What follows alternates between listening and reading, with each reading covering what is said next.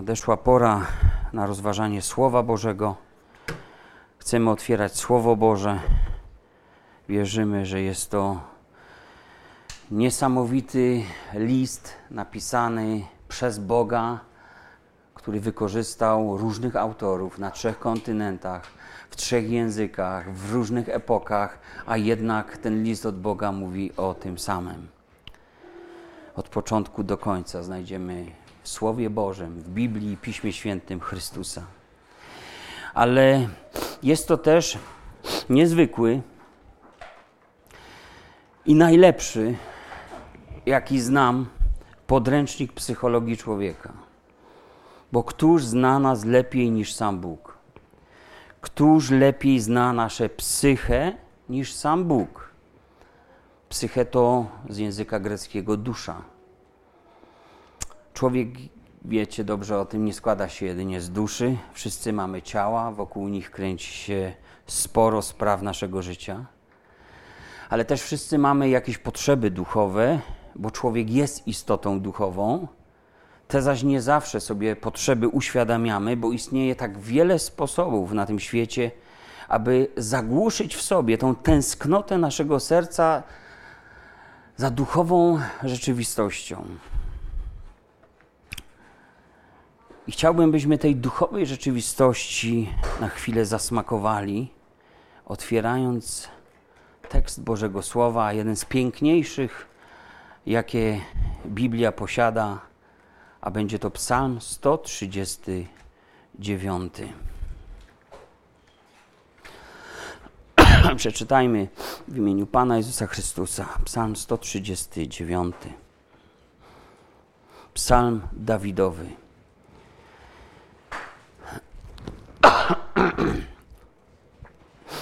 Panie, zbadałeś mnie i znasz. Ty wiesz, kiedy siedzę i kiedy wstaję. Rozumiesz myśl moją z daleka. Ty wyznaczasz mi drogę i spoczynek. Wiesz dobrze o wszystkich ścieżkach moich. Jeszcze bowiem nie ma słowa na języku moim, a Ty, Panie, już znasz je całe. Ogarniasz mnie z tyłu i z przodu i kładziesz na mnie rękę swoją. Zbyt cudowna jest dla mnie ta wiedza, zbyt wzniosła bym ją pojął. Dokąd ujdę przed duchem Twoim i dokąd przed obliczem Twoim ucieknę? Jeśli wstąpię do nieba, Ty tam jesteś. A jeśli przygotuję sobie posłanie w krainie umarłych, i tam jesteś. Gdybym wziął skrzydła rannej zorzy i chciał spocząć na krańcu morza, nawet tam prowadziłaby mnie ręka Twoja, dosięgłaby mnie prawica Twoja. A gdybym rzekł, niech ciemność mnie ukryje i nocą się stanie światło wokoło mnie, to i ciemność nic nie ukryje przed Tobą. A noc jest jasna jak dzień, ciemność jest dla Ciebie jak światło, bo Ty stworzyłeś nerki moje, ukształtowałeś mnie w łonie matki mojej. Wysławiam Cię za to, że cudownie mnie stworzyłeś. Cudowne są dzieła Twoje i duszę moją znasz dokładnie. Żadna kość moja nie była ukryta przed Tobą. Choć powstałem w ukryciu, utkany w głębinach ziemi, oczy Twoje widziały czyny moje. W księdze Twojej zapisane były wszystkie dni przyszłe, gdy jeszcze żadnego z nich nie było. Jak niezgłębione są dla mnie myśli Twe Boże, jak wielka jest ich liczba. Gdybym je chciał zliczyć, byłoby ich więcej niż piasku. Gdybym skończył, jeszcze byłbym z Tobą. O gdybyś zechciał, o Boże, zabić bezbożnika, niech odstąpią ode mnie mężowie krwi chciwi. Mówią o Tobie zdradliwie, nadużywają imienia Twego. Czy tych, którzy Cię nienawidzą, Panie, nie mam w nienawiści i nie brzydzę się tymi, którzy powstają przeciwko Tobie? Nienawidzę ich całą duszą, stali się wrogami moimi. Badaj mnie, Boże, i poznaj serce moje, doświadcz mnie i poznaj myśli moje i zobacz, czy nie kroczę drogą zagłady, a prowadź mnie drogą odwieczną.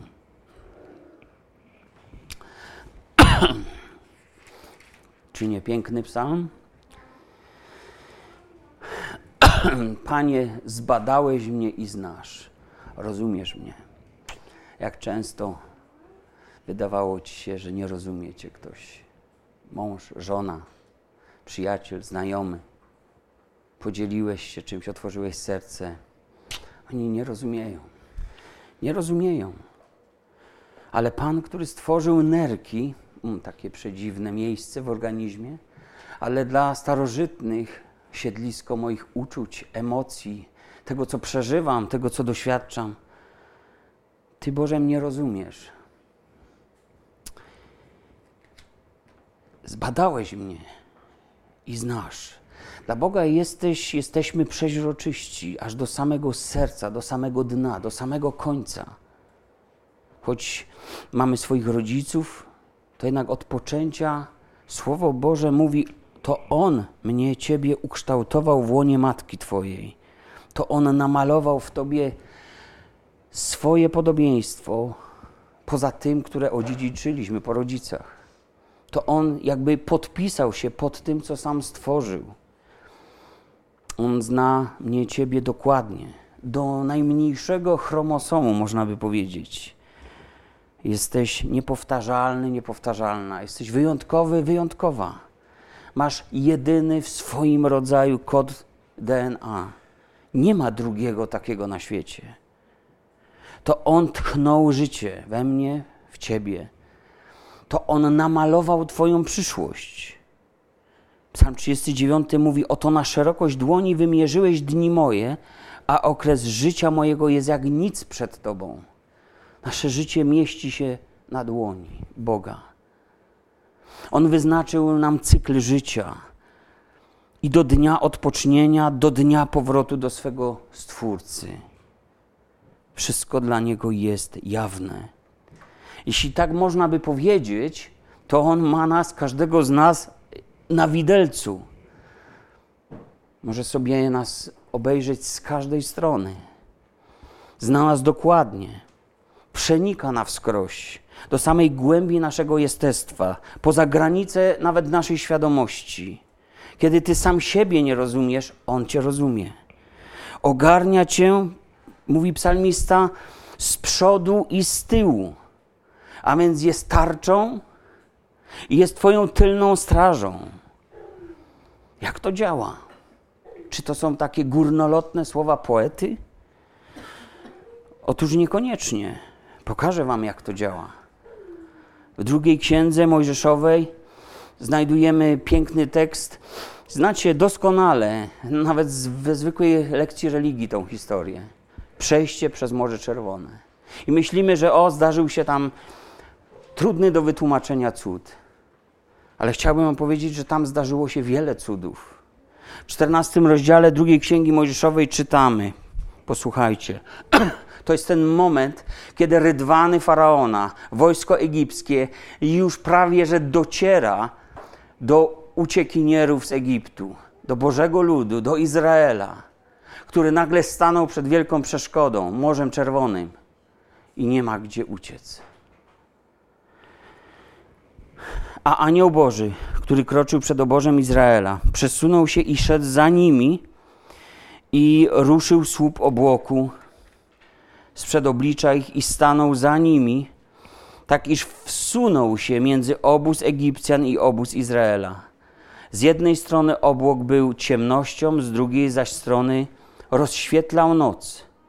I nie zbliżyli się przez całą noc jedni do drugich a Mojżesz wyciągnął rękę nad morze, Pan zaś sprowadził gwałtowny wiatr wschodni, wiejący przez całą noc i cofnął morze i zmienił w suchy ląd. Wody się rozstąpiły, a synowie izraelscy szli środkiem morza po suchym gruncie. Wody zaś były im jakby murem po ich prawej i lewej stronie. Jest tarczą i tylną strażą ogarnia cię z przodu i z tyłu. Właśnie teraz to robi. Gdy kładzie na moim życiu rękę, to wygląda to tak, jakby chciał ochronić to życie od jego poczęcia. To, to słowo hebrajskie, które tam mówi o, o tym, pokazuje mniej więcej coś takiego. Tak Bóg robi z naszym życiem. Tak ochrania. Jakbyś złapał, złapała pięknego motyla, chciała tylko zobaczyć do środka, ale nie chcesz go skrzywdzić w żaden sposób. Ochraniasz go. Zobacz, Bóg znajdzie dla ciebie zawsze mur po twojej prawej i lewej stronie. Jeśli trzeba, to wsunie się pomiędzy ciebie a każde zagrożenie, które mogłoby dotknąć twego życia. Jeśli trzeba, usunie ogromną przeszkodę, a taką było Morze Czerwone. Anioł Pana z tyłu, moc Boża z przodu, mury po bokach. Jeśli Bóg z nami, któż przeciwko nam? Stawia pytanie Biblia. Psalmista zastanawia się nad tym i mówi: Zbyt cudowna jest ta wiedza, bym ją do końca mógł pojąć. I wielu, wielu zastanawiało się nad tymi zdarzeniami. W końcu jeden z proroków mówi: Czy glina może zrozumieć garncarza? Światem, jaki znamy, rządzą prawa natury, zasady fizyki, chemii czy biologii. Wiele z nich poznaliśmy, zrozumieliśmy, jak działają i w nich żyjemy. Większość z nas nie zastanawia się nad tymi zjawiskami, nad procesami, które zachodzą w przyrodzie, czy prawami. Jednak chciałbym powiedzieć, że jest taki świat, którego nie znamy. Świat, który rządzi się swoimi prawami. Nie mający czasu, nieograniczony jakąkolwiek materią czy przestrzenią. Świat jakby równolegle toczący się obok nas, którego czy chcemy, czy nie, do którego czy chcemy, czy nie, dotrzemy w dniu naszej śmierci. Śmierć. I co dalej? Czy zastanawiałeś, zastanawiałaś się nad tym? Za nią jest życie przyszłe Śmierć jest drzwiami, przed którymi nie można uciec. Wszystkie nasze drogi, ilekolwiek ich jest, nasze drogi życia zbiegają się właśnie w tym miejscu.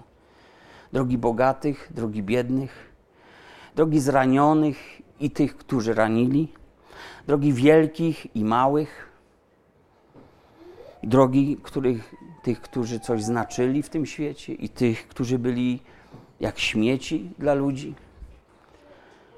I to jest paradoks życia. Wszyscy są sobie wtedy równi. Ale są tylko dwa sposoby, w jakich ja i ty będziemy mogli tam tą wieczność spędzić, kiedy już przejdziemy przez te drzwi. I nie ma możliwości dokonania jakiejkolwiek zmiany albo korekty, gdy już będziemy po tej drugiej stronie. To dzisiaj człowiek decyduje o tym, jak spędzi ten czas trwający bez końca. Na zawsze bez Boga albo na wieki już z Nim. W obecności najczystszego dobra, jakie moglibyśmy sobie wyobrazić, lub w rzeczywistości absolutnego zła. W świetle, przy którym, kiedy apostoł Paweł stanął, a był to Chrystus na drodze do Damaszku, to to światło go oślepiło, upadł na kolana i nie mógł się poruszyć ani kroku dalej, w takim świetle albo w absolutnej ciemności, gdzie nawet iskra światła nie zapłonie. I Bóg postanowił z nami, drodzy, podzielić się tą niezwykłą wiedzą o tym, jak do Niego dotrzeć. Możemy więc korzystać z tej księgi, jaką jest Biblia, Pismo Święte. Możemy z niej korzystać jak z duchowego GPS-u. To słowo mówi o sobie, że jest światłem dla nóg człowieka, który podróżuje przez życie w ciemności, bo świat tkwi w coraz mniejszym, większym mroku. I komu to światło nie zaświeci, ten, mówi sam Pan Jezus, ten nie wie dokąd idzie. My możemy żyć różnymi przekonaniami, ale z perspektywy Boga, On mówi, że bez tego światła człowiek nie wie, dokąd zmierza, jaki jest koniec jego drogi. Apostoł Jan w swojej Ewangelii, 12 rozdziale, 35 i 6 wersecie mówi, cytuję słowa Jezusa. Jeszcze na małą chwilę światłość jest wśród was. Chodźcie, póki światłość macie, aby was ciemność nie ogarnęła, bo kto w ciemności chodzi, nie wie dokąd idzie. Wierzcie w światłość, póki światłość macie, abyście się stali synami światła. Słowo Boga zostało też porównane do lustra, w którym możemy przejrzeć się, by dostrzec wiele rzeczy, na przykład źródło swojego myślenia, swojego rozumowania, wszelkich, źródło wszelkich pragnień. Jak wiele naszych życiowych doświadczeń ma wpływ na to, jak myślimy dzisiaj. Możemy w tym lustrze zobaczyć stan swojej duszy. Możemy dostrzec prawdziwą duchową tęsknotę serca. Gdy patrzymy w to słowo, uczciwie, spokojnie, bez pośpiechu, bez presji czasu, z wiarą, że mamy na Jego kartach do czynienia z absolutnie prawdomównym Bogiem, który dzieli się z nami tym, co widzi i tym, co wie o naszym życiu. Gdy więc rozważasz to słowo z prośbą do Boga o objawienie Ci prawdy, drogi i życia, możesz zobaczyć siebie, także siebie, w jakim miejscu jesteś, a w jakim powinieneś, powinnaś być. Zobaczcie, pewnego dnia, mamy to też zapisane w Piśmie Świętym, pewnego dnia przyszedł Bóg do pierwszych ludzi i zadał im jedno z najważniejszych pytań dotyczących ludzkiej egzystencji, ludzkiego życia. Wiecie, jakie to było pytanie? Adamie, gdzie jesteś? No gdzie ty jesteś? Skąd możesz, mogę wiedzieć, gdzie jestem, jeśli nie mam, nie masz jakiegoś niezmiennego punktu odniesienia, który pozwoliłby ci to zmierzyć, obiektywnie ocenić, rozstrzygnąć bezspornie, osądzić ponad wszelką wątpliwość, jak naprawdę jest, gdzie ja jestem w moim życiu. Skąd mógłbyś wiedzieć, jeśli źródło, na którym dotąd opierałeś swoje przekonania o drodze swojego życia, byłoby zmienne, nietrwałe, niepewne, wątpliwe, nie zawsze działające, niepraktyczne może czasem? Jeśli takie jest moje źródło, to stawiam sobie pytanie, dlaczego dzisiaj miałoby to działać w moim życiu? I wiecie, ludzie grają swym życiem w taką ruletkę. Mają swoje punkty podparcia w życiu, bo nic innego nie znają. I często obstawiają swoim życiem złe wybory, choć myślą, że rozbili nieraz bank. Dalekosiężnie patrząc, ponoszą tylko stratę, bo co da człowiek za duszę swoją? Choćby cały świat pozyskał, mówi Jezus. Co dasz za duszę swoją? Wracając do znaczenia słowa, słowa Boga, słowo, słowa pańskie, psalm 12, werset 6 mówi, słowa pańskie są słowami czystymi, srebrem przetopionym, odłączonym od ziemi, siedmiokroć oczyszczonym. A więc Jego słowo nie zostało powołane do istnienia w umyśle jednego z, ze światłych filozofów, jakie ten świat wydał to słowo nie zostało powołane do istnienia w umyśle jakiegoś ziemskiego założyciela religii. Ani nawet te słowa nie powstały w umysłach ojców wiary chrześcijańskiej. Oni je tylko interpretowali. Te słowa nie są stąd. Nie są z tego świata. Pierwotnie to słowo było odłączone od ziemi, literalnie rzecz ujmując, bo ono zawsze takim jest. Ale Bóg wyszedł w kierunku ziemi słowo po raz pierwszy, i ta ziemia miała jakiś swój początek w Bogu, który nie ma początku i końca. Bóg wyrzekł słowo w jej kierunku, i ziemia przestała być pustkowiem i chaosem. Stała się czymś uporządkowanym. Takim staje się życie człowieka, kiedy Bóg do niego mówi, a on przyjmuje to słowo. A ziemia się nie opierała temu słowu, a ludzie potrafią. Apostoł Jan mówi: Na początku było słowo. A słowo było u Boga, a Bogiem było słowo.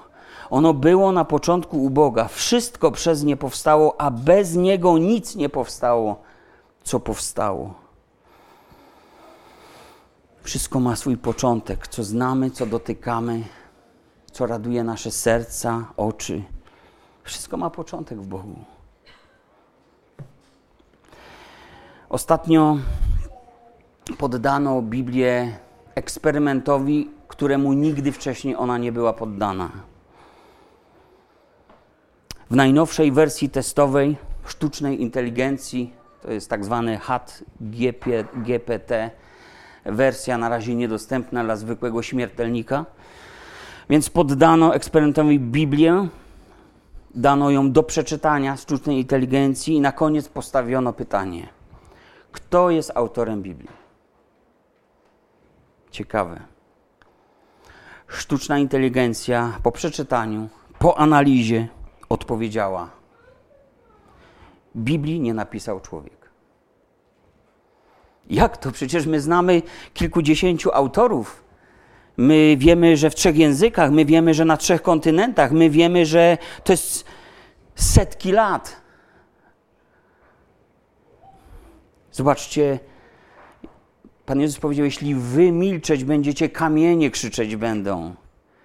Nawet kamienie, które człowiek stara się powołać do życia, tchnąć w nieżycie, świadczą o tym, że poza człowieczeństwem jest jeszcze jakiś projektant, ktoś inny, ktoś inteligentny, ktoś, kto wypowiada słowa. I te słowa zmieniają rzeczywistość. Słowo Boga jest dobre, jest czyste, wierne, prawdziwe, spolegliwe. Nie zawodzi, a nie zawodzi, bo Bóg sam je strzeże. I kiedy posyła je, to szybko biegnie słowo z odpowiedzią. On troszczy się, aby wypełniło się Jego słowo i nie zawiodło. Przez słowo czytamy, On daje rozum prostaczkom, oświeca duszę każdego człowieka, która go szuka, wskazuje drogę, prowadzi, udziela potwierdzeń, umacnia, daje orientację Wiem, kim jestem, wiem, dokąd zmierzam. Moja przyszłość nie jest jedną wielką zagadką. I wiem, gdzie jestem w tej podróży. Gdzie jesteś, Adamie? Jest takie miejsce pod Paryżem, Sèvres. Znajdują się tam wzorniki miar i wag. Miar i wag, którymi posługuje się cała ludzkość.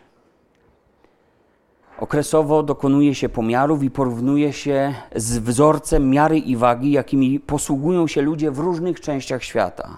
I na podstawie odczytów, na podstawie tych danów, danych dokonuje się na nowo kalibracji wszystkich wartości. Aby, mówiąc tak kolokwialnie, jeden kilogram ważył jeden kilogram. Aby jeden metr oznaczał odległość jednego metra Nasze życie tym bardziej potrzebuje wzorca, do którego przyłożymy swoje życie. I będziemy pewni, że ten wzorzec się nie zmienia, że jest ciągle taki sam. A Biblia przecież mówi: Chrystus dzisiaj, wczoraj, ten sam i na wieki. A o kim to jest ta księga? Od początku do końca znajdziecie w niej Chrystusa. Nasze życie potrzebuje takiego wzorca. Nasze życie z powodu naszych ambicji, naszych dążeń, myśli serca, z powodu całego grzechu i zła, jakie jest w tym świecie, zostało rozkalibrowane. I potrzebuję, potrzebujesz przyłożyć swoje życie do takiego punktu odniesienia, aby na nowo Bóg skalibrował Twoją drogę, Twoje wartości, Twoje pragnienia, Twoje myśli, Twoje dążenia. Aby Twoje serce stało się sercem według według Boga. I przy, gdy przyglądamy się w Słowie Boga, gdy przyglądasz się w Słowie Boga, przepraszam, przeglądasz, gdy patrzymy na nie jak na lustro i, i nie jest to słowo dla ciebie rodzajem modlitewnika, czy na taką chwilunię medytacji, jeśli nie jest to słowo dla ciebie jakimś zbiorem starożytnych mitów, to możesz stać się wykonawcą tego słowa. Jak to możliwe? Otóż Pan Jezus, kiedy wypowiedział słowa, lud zażądał od niego znaku.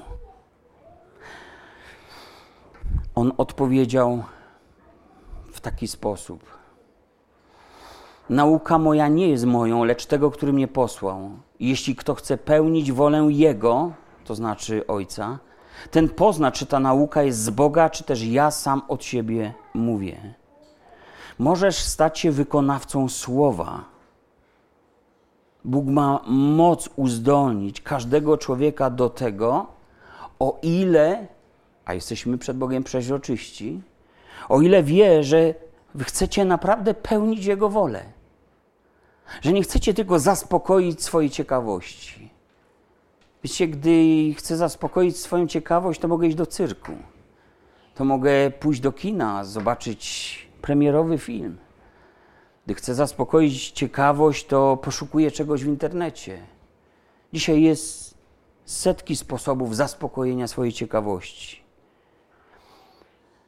Ale można przeczytać całą Biblię od deski do deski, zaspokoić swoją ciekawość i nic z tego nie mieć. Ktoś z Was kiedyś przeczytał Biblię i nic z tego nie, nie wiedział? Nie, nie miał? Biblia tłumaczy, dlaczego tak jest. Bo zasłona leży na sercu człowieka. Bo ten, kto pragnie nie tylko poznać, ale pełnić wolę Boga, ten zaczyna rozumieć, że ma do czynienia z niezwykłą księgą, niezwykłym pismem, której autorem nie mógł być człowiek, choć człowiek został wykorzystany, aby nanieść litery i przełożyć to na język zrozumiały zwykłemu człowiekowi. Słowo Boga. Czytając tą księgę, znajduję w niej odpowiedzi na najważniejsze pytania życia. Patrząc na Słowo Boga, zobaczysz dużo więcej niż tylko siebie takim, jakim jesteś. Gdy pozwalasz, aby Słowo zaczynało Cię badać, e, gdy pozwalasz, aby Słowo Cię diagnozowało, przenikało na wskroś, oceniało, wystawiało Ci pytania i prowadziło Cię do odpowiedzi, to wtedy otrzymujesz światło Boga i doświadczasz czegoś, czego nie ma żadna inna mądra książka w tym świecie. Doświadczasz ducha tej księgi. Ducha tej księgi, który jest bardziej przenikliwy niż promieniowanie gamma, bardziej przenikliwy niż fale rentgena. A więc Pierwszy krok, uwierz, że nie ma drugiego takiego źródła, które powie ci prawdę, jakakolwiek by nie była, kiedy otworzysz ją i spojrzysz na nią jak na lustro. Bóg ma za nic ludzkie parawany religijne, że tak je nazwę. Nie robią na nim wrażenia te nasze kamuflaże w postaci wielu różnych zakładanych masek.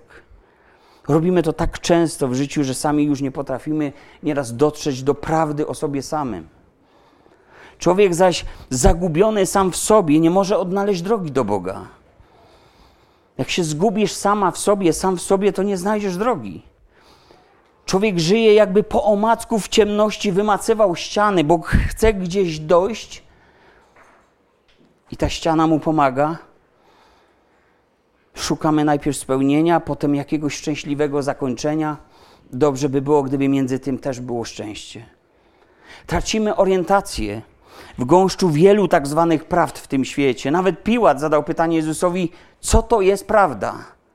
A z prawdą, ucieleśnieniem prawdy rozmawiał. Gubimy orientację w gąszczu prawd, trendów, tego, co akurat jest modne, tego, co wydaje się w danym czasie jakiejś większości słuszne. Jeśli większość idzie gdzie? Gdzieś tam, to większość ma rację?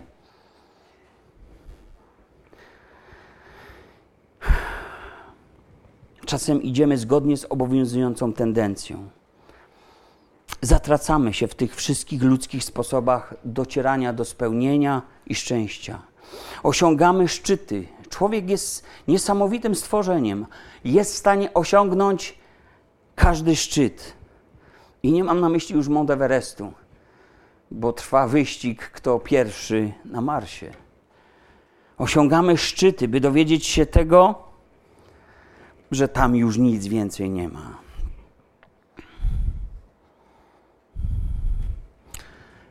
I wciąż człowiek jest ślepy, nagi i nędzny. I ten psalm, czytany dzisiaj 139, jak żaden inny w tej mierze, fragment Biblii mówi mi, że Bóg zna mnie i ciebie doskonale i nie uciekniesz przed nim. Ale czy człowiek ucieka przed Bogiem?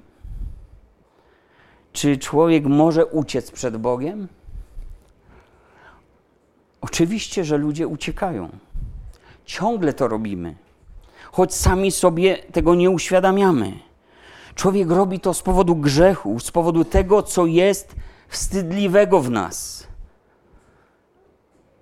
Pożądamy. Pożądliwość. Człowiek robi to z powodu tego, czym nasze sumienie jest obciążone i mówi nam, że coś nie jest dobre, a i tak w tym jesteśmy, i tak w to brniemy, bo krótkosiężnie wydaje nam się, że daje nam to przyjemność, a nie jest to odpowiedzią na największą potrzebę naszej duszy. Ba, te wszystkie rzeczy nas po prostu oddalają od tej największej potrzeby.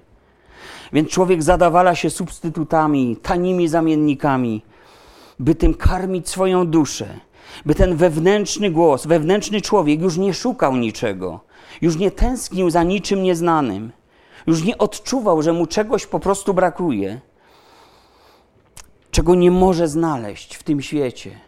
Ani w świecie kariery, ani w świecie pieniędzy, ani w świecie miłości, ani w świecie ekstremalnych wrażeń. I zobaczcie, jest taka historia. Apostoł Paweł przybył pewnego razu do Aten w swojej podróży misyjnej i tam obruszał się do głębi na widok bałwochwalstwa tego miasta. Mieli tyle bóstw, na każdej uliczce jakieś bóstwo. Czy nie powinni być spełnieni w tym swoim wielobóstwie, któremu dawali wiarę? Chyba nie do końca skoro szukali jeszcze jakiegoś odniesienia do swojego życia. I Paweł zauważył ołtarz dedykowany nieznanemu Bogu. I potem apostoł Paweł mówi publicznie, mówi to, czego nie znacie, choć zakładacie, że istnieje, to ja wam o tym dzisiaj zwiastuję. Ja wam o tym mówię. O prawdziwym Bogu, którego nie znacie. A jaki on jest? Drodzy, mity greckie opisywały bogów jako podobnych ludziom. Bogowie rozrywki wszelkiej, uciechy, bogowie mocnych wrażeń, czasem jakieś bijatyki i pijatyki, bogowie rywalizujący ze sobą, bogowie rozpusty, bogowie skaczący sobie nawet do gardeł, bogowie wszystko mogący, wszystko chcący, wszystko sobie realizujący. Ale ten Bóg jest inny. Jeden z psalmów mówi: Mnie małeś, żem podobny Tobie, mówi Bóg. Człowiek myśli, że ten Bóg zaakceptuje nasze grzechy, spojrzy przez palce na nie, że jakoś to będzie, jakoś się prześliźniemy kiedyś tam do Boga. A on jednak widzi to i mówi, cytuję ciąg dalszy: Karcę cię i stawiam ci to przed Twoje oczy. Bo jestem, który jestem, tak się przedstawił Bóg Mojżeszowi. Jestem święty, święty, święty, święty, a nie ludzki, ludzki, ludzki. Nie jestem podobny do ciebie. Nie jestem taki, jakim sobie wyobrażałeś, że jestem i wierzysz w to. Co na to człowiek, kiedy Bóg się mu objawia? Kiedy Jezus się objawiał jako Mesjasz, syn Boga, to były tylko dwie opcje albo się rozejrzą, gdzie są kamienie, by go ukamienować, albo upadną na kolana i jak Piotr powiedzą: Panie, odejdź ode mnie, bo jest człowiekiem grzesznym. Ale Pan Jezus dopiero co dokonał cudu na tej łodzi i Piotr złowił niesamowitą ilość ryb. Tam nie było wykładów z teologii na temat świętości Boga. Ale konfrontacja z kimś tak świętym powoduje, że wiesz dobrze, w jakim miejscu jesteś, gdzie jesteś, Adamie. Ja wiem, gdzie jestem, kiedy taki Bóg się do mnie zbliża. Więc co na to człowiek? Człowiek zamiast upaść przed tym wielkim, świętym Bogiem, który go widzi, bo Bóg się też tak przedstawia, jestem, który widzę. Człowiek zamiast szukać łaski u niego i miłosierdzia, on jest hojny w odpuszczaniu, człowiek podejmuje ucieczkę która skazana jest z góry na fiasko. Człowiek, który uświadamia sobie, z jakim Bogiem ma do czynienia, ucieka, buduje mury, okopuje się, obstawia krzakami, pozoruje. Psalmista więc stawia pytanie, znając na wskroś ludzkie charaktery, ludzk, ludzką duszę. Mówi: Dokąd ujdę przed Twoim duchem i dokąd ucieknę przed Twoim obliczem? Nie istnieje niebo bez Boga, tak jak nie istnieje piekło bez Boga. Przepraszam, czy Bóg zagląda do piekła? Nie pomyliłeś się? Tam raczej oczywiście nie odczujesz błogiej obecności Boga, ale tam raczej doświadczysz skutków Jego sprawiedliwych wyroków. Bóg nie przygotował piekła dla ludzi, których sam stworzył na swój obraz. A jednak w Ewangelii padają słowa zapowiadające przyszłość wielu ludzi. Pan Jezus mówi, zapowiadając tą przyszłość: Idźcie precz ode mnie, przeklęci w ogień wieczny, zgotowany diabłu i jego aniołom. I nie będzie tam wielkiej, niekończącej się, pełnej rozrywek i używek technoimprezy, jak sugeruje jedna z reklam napojów energetycznych. Biblia mówi, będzie tam płacz i zgrzytanie zębów, nieustająca udręka, niekończące się cierpienie. Tam wrzucone zostaną demony i diabeł, a wraz z nim ci, którzy dali mu się zwieść. Tam będą ci, którzy nie umiłowali prawdy, która mogła ich zbawić. Ci, którzy wzgardzili Bogiem i Jego Słowem. I nikt nie ucieknie przed Bożym wyrokiem. W takim sensie Bóg jest wszędzie, nawet w krainie umarłych. Jeśli mogę tak powiedzieć, dopadnie mnie. Dwie rzeczy są absolutnie pewne i one się wydarzą, i Biblia kładzie tutaj po prostu znak równości. W liście do Hebrajczyków, 9 rozdział, 23 wers czytam: Postanowione jest ludziom raz umrzeć, a potem sąd. A więc, drogi słuchaczu, słuchaczko, życie mamy tylko jedno, życie masz tylko jedno, więc dwa razy nie umrzesz. Nie jesteś łazarzem. Skoro wiesz, że dzień śmierci nadejdzie, że wszystkie drogi człowieka spotykają się tam przed tymi drzwiami z napisem śmierć, to wiedz, że dzień sądu też nadejdzie. Właśnie on jest za tymi drzwiami. Bóg sądził będzie sprawiedliwie świat. Otwarta zostanie księga życia, żywota baranka, tak o niej mówi pismo. I inne księgi, w których jest zapisana każda Twoja i moja sekunda życia. Każda myśl tam jest zapisana, każdy mój zamiar, każdy czyn i wypowiedziane słowo. Bóg mówi, że nawet nasze włosy są na głowie naszej policzone. Skoro tak, to śmiem więc twierdzić, że także ilość oddechów do tego ostatniego jest policzona. Nie będę żył ani jednego dnia krócej, ani jednego dnia dłużej, niż postanowił to Bóg. Wtedy przed obliczem Boga okaże się wszystko. A pismo mówi: Zna Pan tych, którzy są Jego. Zna pasterz wszystkie swoje owce, po imieniu je zna. Jedni przeznaczeni do życia wiecznego ocalą swe dusze, inni, którzy odrzucili tak wielkie zaoferowane im darmo z łaski w ramach powszechnej amnestii, globalnej amnestii zbawienie, ci, którzy odrzucili, pójdą w ogień piekła.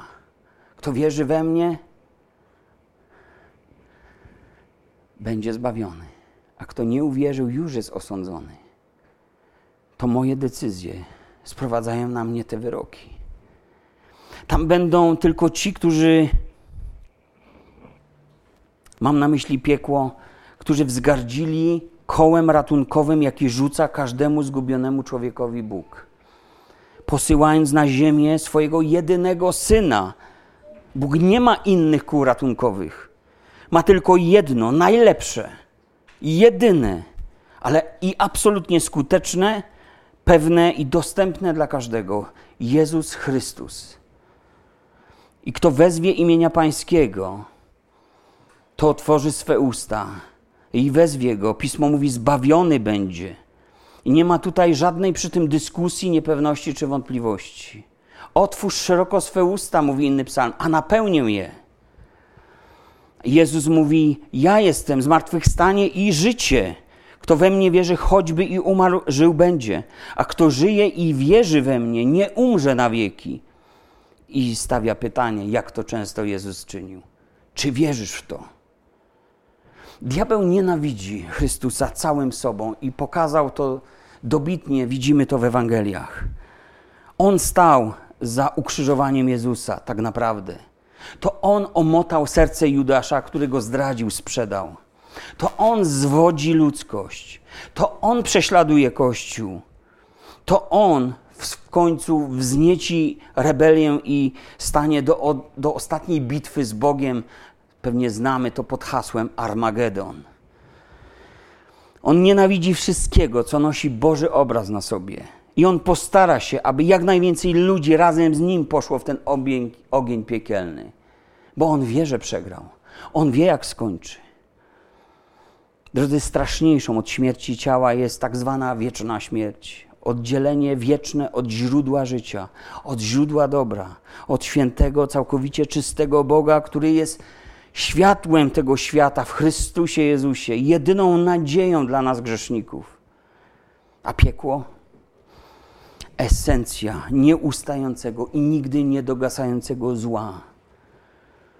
To jest morderca, który zabija, zabić nie może, zabija więc jeszcze raz i tak na wieczność. To jest złodziej, który kradnie, ale ukraść nie może i zabija jeszcze, i kradnie jeszcze raz i tak na wieczność. To jest krzywdziciel, który krzywdzi ale skrzywdzić do końca nie może i krzywdzi jeszcze raz i tak na wieczność. To jest grzech, to jest esencja grzechu, to jest esencja wszelkiego zła, które się nigdy nie kończy. A myśmy sobie wyobrażali piekło, tak jak namalowali to nam artyści średniowieczni. Diabeł z widłami i z ogonem. Taki ludowo-odpustowy obrazek sobie nosimy w naszych głowach. I myślimy, to są bajeczki dla małych dzieci, które trzeba tym postraszyć, jak są niegrzeczne. Ja mówię o najczarniejszym koszmarze, którego nie jesteśmy w stanie nawet opisać słowami i wyobrazić sobie. A jednak pomimo tak nieuniknionej perspektywy, ciągle człowiek przed Bogiem ucieka. Ciągle próbuje to swoje życie pokładać jakoś bez Boga a jeśli ma już świadomość Jego istnienia, to ciągle szuka sposobu, żeby tego Boga zmarginalizować, zepchnąć na bok, do przysłowiowego kwiatka do kożucha, żeby sobie ozdobić życie jakąś religią. Sprowadzamy Boga do religijnie spędzonej niedzieli, do dobroczynnych aktów, do ofiar rzucanych na tacy, na które stać przecież w jakiejś mierze chyba każdego człowieka religijne parawany. To są religijne parawany. Religijne parawany mogą, może są w stanie zamydlić oczy człowiekowi, a nawet nas samych zwieść. Gdy w tym, co sami robimy, pokładamy nadzieję, ale na pewno nie zwiodą one Boga, który sięga wzrokiem do dna naszego serca. Maski, które zakładamy, o których wspomniałem, trzeba w życiu robić dobrą minę do złej gry. One również nie zasłaniają Bogu naszego serca. On zna każdą naszą myśl, zanim moje ciało i umysł są zdolne przetworzyć ją na słowa i czyny. Bóg nie zaciera rąk, gdy ludzie wpadają w łapy diabła. To nie jest taka jakaś gra z diabłem, kto więcej uzbiera żetonów. Jest mu żal człowieka od początku jego stworzenia, gdy ten upadł. I od początku Bóg szuka rozwiązania. Bóg prowadzi potężną akcję logistyczną przez wieki, aby w każdym pokoleniu ratować ludzi. Dlatego w końcowym, finalnym aspekcie posyła swojego syna na ten świat, aby ten szukał wszystkich zaginionych, aby nikt nie zginął, ale życie wieczne miał. I szatan, choć jest pokonany, i nie jest w stanie zatrzymać Boga w jego dziele zbawienia, jest jednak w stanie odwrócić ciebie od Boga, zająć się czymkolwiek się mu uda. Wiecie, też zauważyłem, wielu ludzi złorzeczy Bogu, gdy nie idzie im dobrze w życiu. Wypowiadamy nadaremno słowa. Wielu chce wierzyć w Boga, że Boga nie ma. To też jest wiara. Tak naprawdę oni tylko chcą, żeby dla nich Boga nie było. Co nie zmienia faktu, że On jest. Bo Bóg to zmiany. Bo ten Bóg Biblii to komplikacje. Bóg to już nie jest życie dla siebie. Bóg to nie jest życie pod siebie. Dlatego ludzie, którzy wierzą, że wierzą, wymyślają sobie Boga na swoje podobieństwo. Rzeźbią sobie taką imitację. Kiedyś Izrael na pustyni ulał cielca, współcześni raczej sobie uleją go w swoim umyśle i będą wierzyli, że, że wierzą.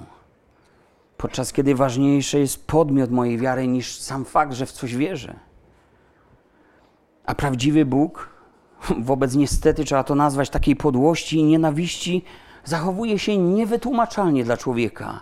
On niczym dobry tato, który widzi swoje dziecko, podąża za nim, by mu oszczędzić cierpienia, którego skutki mogą być dla niego wieczne. On ciągle woła, ciągle ratuje człowieka, ciągle jego łaska objawia się na nowo, mówi pismo. On dobrotliwy jest także dla niewdzięcznych i złych, mówi pismo. Wiecie, ja tego nie rozumiem. Tej łaski i miłości Boga nie jestem w stanie pojąć.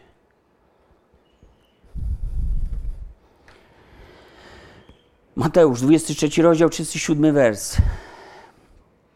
Jeruzalem, Jeruzalem, które zabijasz proroków i kamienujesz tych, którzy do ciebie byli posłani. Ileż to razy chciałem zgromadzić dzieci twoje, jak kokosz zgromadza pisklęta swoje pod skrzydła, a nie chcieliście. Zobaczcie, jakże często człowiek przypomina to Jeruzalem. Posłał w końcu Bóg swego syna, myśląc, że może jego uszanują lecz jego zabili. Lecz i tego, o którym mówi Biblia, że jest dawcą życia, pozbawiono życia. Nie chcieli zmian. Chcieli, żeby było jak było.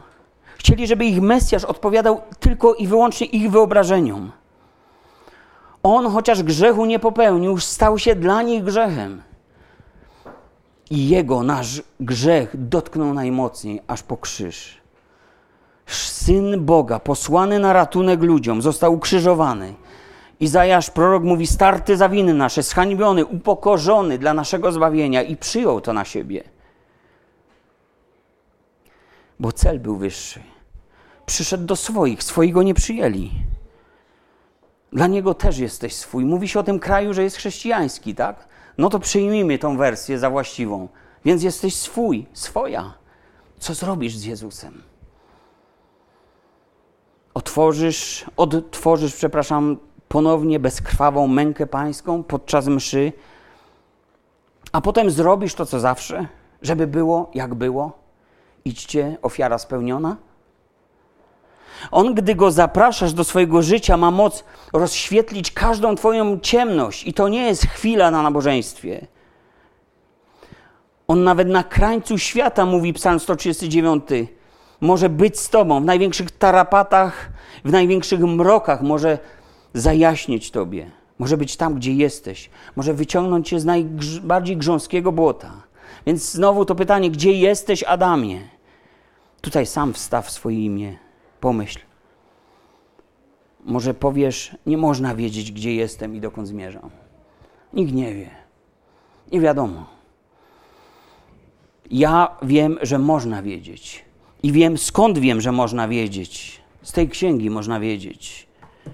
Bo Jezus zmartwychwstał, dlatego można wiedzieć. Bo jego grobu nigdy nie odnaleziono, dlatego można wiedzieć. Bo zmieniał setki ludzi, a potem tysiące i dziesiątki tysięcy ludzi. A oni wszyscy twierdzili, że to był Jezus.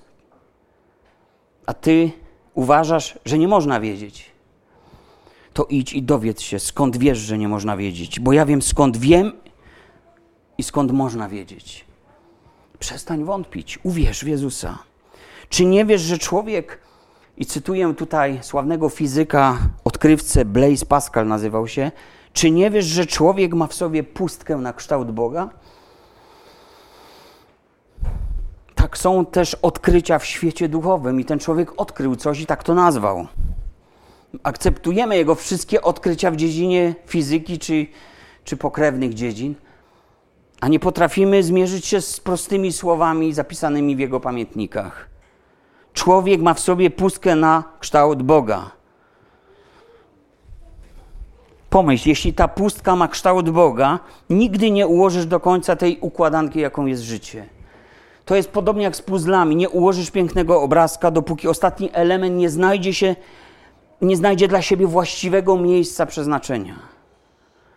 Napisał też ten człowiek, napisał, że serce ma zamiary, których rozum nie rozpoznaje. Bo serce pamięta swojego stwórcę. Nasz rozum już jest zapchany śmieciami. Zasypani jesteśmy jak kubeł śmieci. Nie potrafimy się do tego dogrzebać. Nasze życie ma swój dalszy bieg, nawet po śmierci. Religia wszystko komplikuje, zniekształca, zamazuje, wskutek czego człowiek zniechęca się do szukania prawdziwej prawdy. Zadowala się tym, co jest, żeby było jak było. Ale otwierając Biblię, Słowo Boga, odkłamujesz swoją rzeczywistość, w której żyjesz. Możesz spojrzeć na życie tak, jak patrzy na nie Bóg. Możesz to zrobić sam w swojej komorze modlitwy, mówiąc językiem obrazowym Jezusa. I wiesz, że żaden człowiek cię nie okłamuje, bo tam nie ma ludzi. Ty i Słowo Boga. Zmierz się z tym. Doświadcz ducha tej księgi. Możesz zrozumieć, o co Bogu chodzi. Możesz Jemu zaufać, że nie chodzi Mu o to, aby zepsuć Ci życie, ale by je uczynić naprawdę uporządkowanym i spełnionym, takim, jakim ono być powinno, aby dotrzeć do końca z sukcesem. Jeremiasz, 29 rozdział, 11 wers, cytuję proroka. Albowiem ja wiem, jakie myśli mam o was, mówi Pan. Myśli o pokoju, a nie o niedoli, by zgotować wam przyszłość i natknąć nadzieją. Bóg dzieli się swoimi myślami. Bóg dzieli się swoimi planami z człowiekiem, którego stworzył. On nie ma nic przed tobą do ukrycia. On nie chce wziąć coś tobie, żeby dodać sobie. W księdze jego były zapisane wszystkie dni przyszłe, gdy jeszcze żadnego z nich nie było, mówi psalmista. On obdarowując cię życiem, miał już gotowy plan dla ciebie, ale nie stworzył cię robotem, ani nie wpisał w ciebie jakiegoś programu do spełnienia jego woli, ale dał ci możliwość wyboru. Bo miłość to wybór. Pozostawił ci wolną wolę, abyś mógł kochać, abyś mógł, mogła się zakochać w nim. Wolną wolę, którą, na, którą podstępnie zniewolił diabeł by człowiek wypełniał jego plany. Ta niezwykła wiedza Boga o naszym życiu, zgotowanej cudownej przyszłości, którą On ma dla każdego człowieka, ta wiedza jest dostępna z szeregiem rewolucyjnych poleceń, niesamowitych poleceń, które są konieczne, jeśli chcemy wypełnić wolę Boga. I możemy być tego pewni, absolutnie pewni, że działają. Na przykład Bóg mówi, ustami Jezusa daje takie polecenie. Musisz się na nowo narodzić. Jana Ewangelia, trzeci rozdział, trzeci wers. Musisz się na nowo, na nowo narodzić.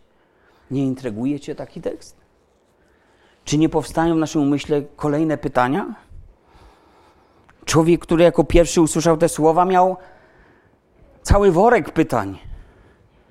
Czy można przeżyć życie na nowo? Czy można mieć nowe życie zamiast starego? Może nie do końca udanego, patrząc wstecz. Albo jak mieć udane życie, które nigdy się nie zakończy jakąś straszną porażką? Jak mieć życie, którego nawet śmierć nie pokona? Jak przestać drżeć przed śmiercią? Skąd wiedzieć, co tu robię, po co żyję, dokąd zmierzam, jako istota myśląca, odczuwająca, przeżywająca, posiadająca duszę, świadoma swojego istnienia i świadoma istnienia kogoś większego niż ja sam. I wiecie, wszystkie odpowiedzi, pełna informacja od Boga znajduje się w Biblii. Piśmie Świętym wystarczy otworzyć. Zbliżając się już do końca tego, co chciałem dzisiaj powiedzieć, popatrz, Bóg mówi wiele tutaj o życiu mówi wiele o naszej przyszłości. Najwięcej jednak mówi o tym, który zna drogę, bo jest drogą. Najwięcej mówi o tym, który zna prawdę, bo jest prawdą. I o tym, który zna prawdziwy sens życia, bo sam jest prawdziwym życiem od Boga dla ciebie. On chce się z Tobą tym podzielić. Chleb z nieba, światłość świata, dobry pasterz. Tak wiele imion nosi, a wszystkie powodują, że chciałoby się go przytulić. On chce się sobą z Tobą podzielić lecz aby, po to, abyś miał, miała życie wieczne z Nim i radość i spełnienie. Pragnie zbawić, poprowadzić, doprowadzić. Pragnie być z nami. Dlaczego? Wszystkie odpowiedzi, jakie znajdziemy, ostatecznie swój wydźwięk znajdują w Jego miłości.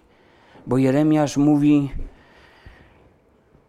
przy końcu swojej księgi, mówi: Miłością wieczną umiłowałem Cię, dlatego tak długo okazywałem Ci łaskę.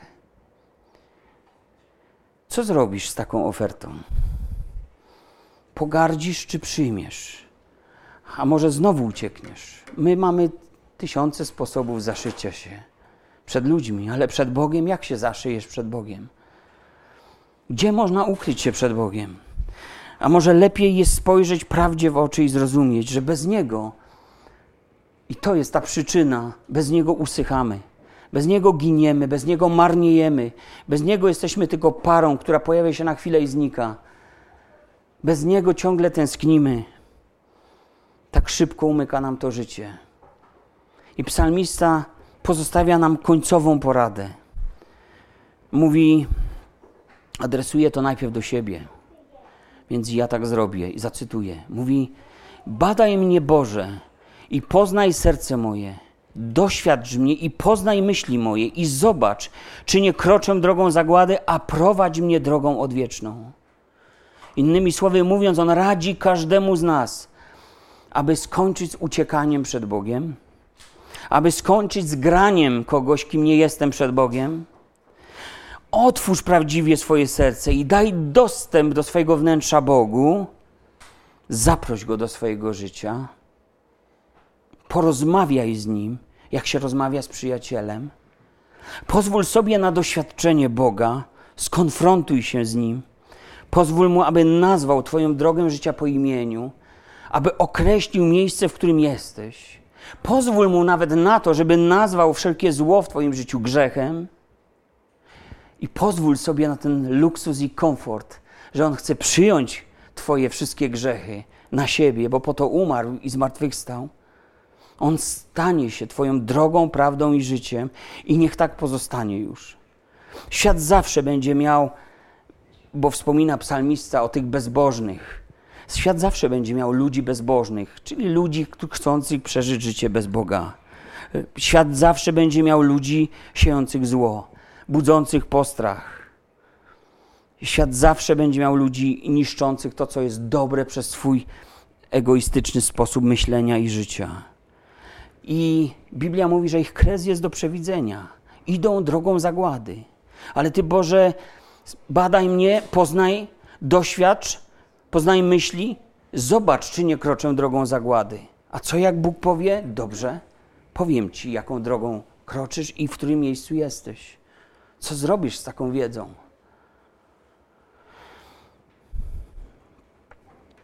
Każdego poranku jego łaska objawia się na nowo.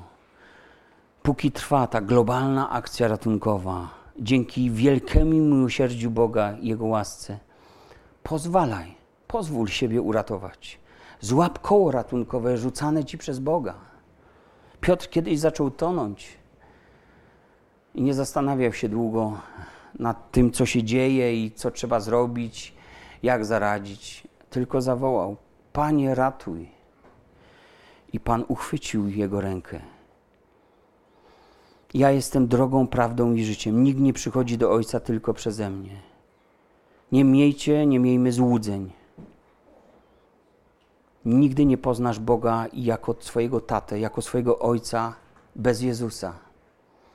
Tylko Jezus, tylko z Jezusem i tylko przez Jezusa. Boga jako Ojca, który jest pełen miłości i czeka na powrót każdego człowieka, nie możesz poznać, mając swoją prawdę, idąc własną drogą, używając życia jak sam chcesz. Tylko Jezus, tylko z Jezusem i tylko przez Jezusa. A więc pozwólmy Bogu, aby zbadał nasze serca. Jeśli to zrobisz, odważysz się, On poprowadzi cię drogą odwieczną ku życiu.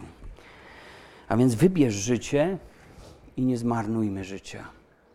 Skłońmy nasze głowy, chciałbym się pomodlić. Panie, dziękuję Ci za ten psalm, że tyle, tyle mówiłeś do mnie najpierw, zanim mogłem stanąć przed innymi i powiedzieć, o co Ci chodzi.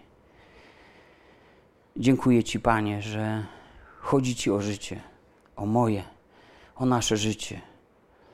Dziękuję Ci, że taką wartość przykładasz do naszego życia, że dałeś swojego umiłowanego syna na ten świat i pozwoliłeś, aby on umarł i został krzyżowany. Zrobiłeś to dla naszego zbawienia, dla wszystkich zagubionych, dla wszystkich skrzywdzonych, dla wszystkich poniżanych, dla wszystkich, którzy źle się mają i potrzebują lekarza. Dziękuję Ci, Panie, że mówisz mi, gdzie jestem. Dziękuję, że chcesz stawiać każdego dnia na nowo to samo pytanie. Dziękuję Ci, że wyciągałeś rękę każdego dnia do mnie. Dziękuję Ci, że ratowałeś, a ja nie widziałem. Dziękuję Ci, że pomagałeś, a ja nie doceniałem. Dziękuję Ci, Panie, za każdy Twój gest, każde spojrzenie w moją stronę.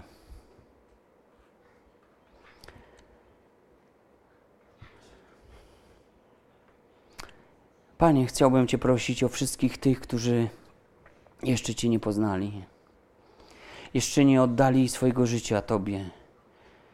Jeszcze nie było w nich takiego wielkiego tak dla Ciebie, takiego otwarcia zardzewiałych starych bram, abyś mógł wejść do serca.